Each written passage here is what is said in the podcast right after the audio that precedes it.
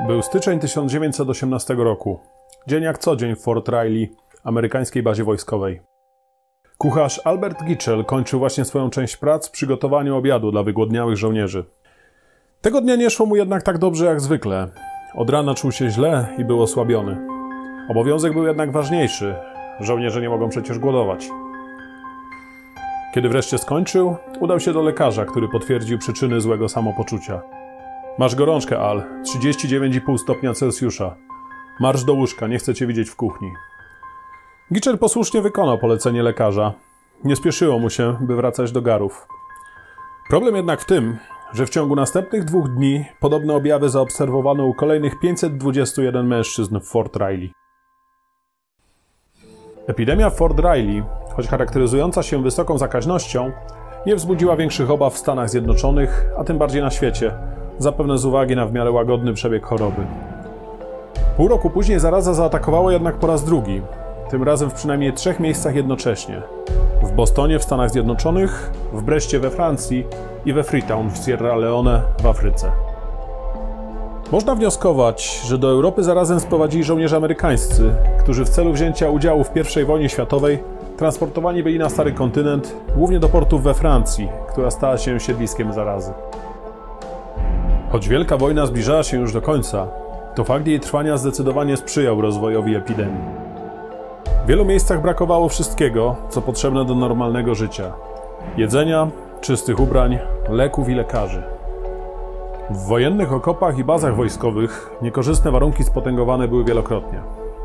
Brud i wilgoć, deszcz czy śnieg oraz hulający wiatr przeszywający zmarnowanych żołnierzy stłoczonych na niewielkiej przestrzeni. Permanentny stres, do tego niewłaściwe odżywianie, a często nawet niedożywienie oraz brak środków czystości i podstawowych warunków sanitarnych. Nic dziwnego, że zaraza zagnieździła się i mnożyła w okopach wojennych w zatrważającym tempie. Następnie z łatwością dochodziło do ekspansji ognisk grypy z obozów i baz wojskowych na ludność cywilną. W miarę rozkręcania się pandemii zarażony został co trzeci człowiek na świecie. Wielu zarażonych umierało, na co znaczący wpływ musiały mieć, poza siłą choroby, warunki hospitalizacji i możliwości leczenia chorych w wyniszczonym wojną świecie. Pandemia rozwinęła się w trzech falach uderzeniowych na przestrzeni około roku, praktycznie na całym świecie. Wolnymi od choroby pozostały tylko nieliczne wysepki oraz Australia, którą przez dłuższy czas chroniło wprowadzenie ścisłej blokady transportu morskiego. Jednak nawet to nie wystarczyło. Początkiem 1919 roku zaraza dotarła nawet tam. Pierwsze objawy grypy hiszpanki, bo tak nazwano tę chorobę, były typowo grypowe. Gorączka i dreszcze oraz poczucie zmęczenia. To, co działo się później, nie było już jednak typowe. W okresie od kilku godzin do kilku dni od wystąpienia objawów chorzy sinieli, kaszleli krwistymi wydzielinami, a ich zajęte przez bakterie płuca wypełniały się płynem, przez co duża część chorych umierała. Nietypowa była charakterystyka ofiar. Przy standardowych zachorowaniach na grypę najbardziej zagrożone są dzieci i osoby starsze. W przypadku tej choroby najwięcej zgonów odnotowano jednak wśród ludzi w grupie wiekowej od około 20 do 40 lat, co można próbować wytłumaczyć wspomnianym wcześniej ogniskowaniem się grypy w okopach wojennych i bazach wojskowych. Intrygującym jest fakt, że to nie wirus bezpośrednio powodował śmierć. Sekcje zwłok zarażonych wirusem małp pozwoliły wywnioskować, że zarażone osobniki zabijał ich własny układ odpornościowy, który atakował zakażone płuca tak mocno, że niszczył je. Ten właśnie fakt może być kolejną przyczyną nietypowego profilu wiekowego ofiar, ponieważ młodzi ludzie mają najsilniejszy układ odpornościowy, który w wyniku zarażenia działał na niekorzyść tego, kogo miał chronić. Początkowa śmiertelność choroby na poziomie 1 trzeciej zarażonych zmieniała się z biegiem czasu.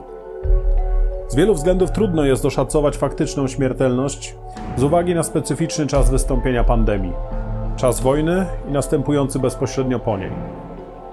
Według danych wojskowych ilość zgonów w wyniku zarazy można szacować na poziomie 5 do 10% populacji. Śmiertelne żniwo, jakie zebrała Hiszpanka, to wiele milionów ludzkich istnień Według jednych szacunków mogło to być od 21 do 25 milionów ludzi, według innych nawet 50 do 100 milionów. Dla porównania jest to liczba przynajmniej dwu lub kilkukrotnie większa niż liczba ofiar militarnych I wojny światowej. Pandemia grypy hiszpanki była pierwszą o tak wysokim wskaźniku śmiertelności od czasów czarnej śmierci, pandemii dżumy w XIV-wiecznej Europie. Na dżumę miało wtedy zapaść na całym świecie nawet 500 milionów ludzi, stanowiących wówczas około 1 trzecią całej populacji naszego gatunku, z czego od kilkudziesięciu do nawet 200 milionów miało umrzeć. Wpływ na niezwykle wysoką śmiertelność Hiszpanki miał też niewątpliwie fakt wystąpienia pandemii w czasie wojny, której towarzyszyły złe warunki higieniczne i życiowe, niedożywienie i głód oraz permanentny stres wielu ludzi żyjących w tym strasznym czasie, a przez to wszystko niska odporność na infekcje i słabość organizmu w ich zwalczaniu.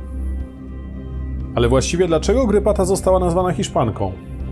Genezy tej nazwy możemy upatrywać w czynnikach politycznych. W krajach pogrążonych w wojnie nie podawano do wiadomości publicznej danych dotyczących choroby, by nie osłabiać morale narodów i żołnierzy znoszących wojenny trud. W czasie I wojny światowej Hiszpania pozostała jednak państwem neutralnym, a zatem nie istniało tam propagandowe tabu i o epidemii grypy w Hiszpanii mówiło się otwarcie. Stąd przekonanie, że to stamtąd rozprzestrzeniła się na cały świat.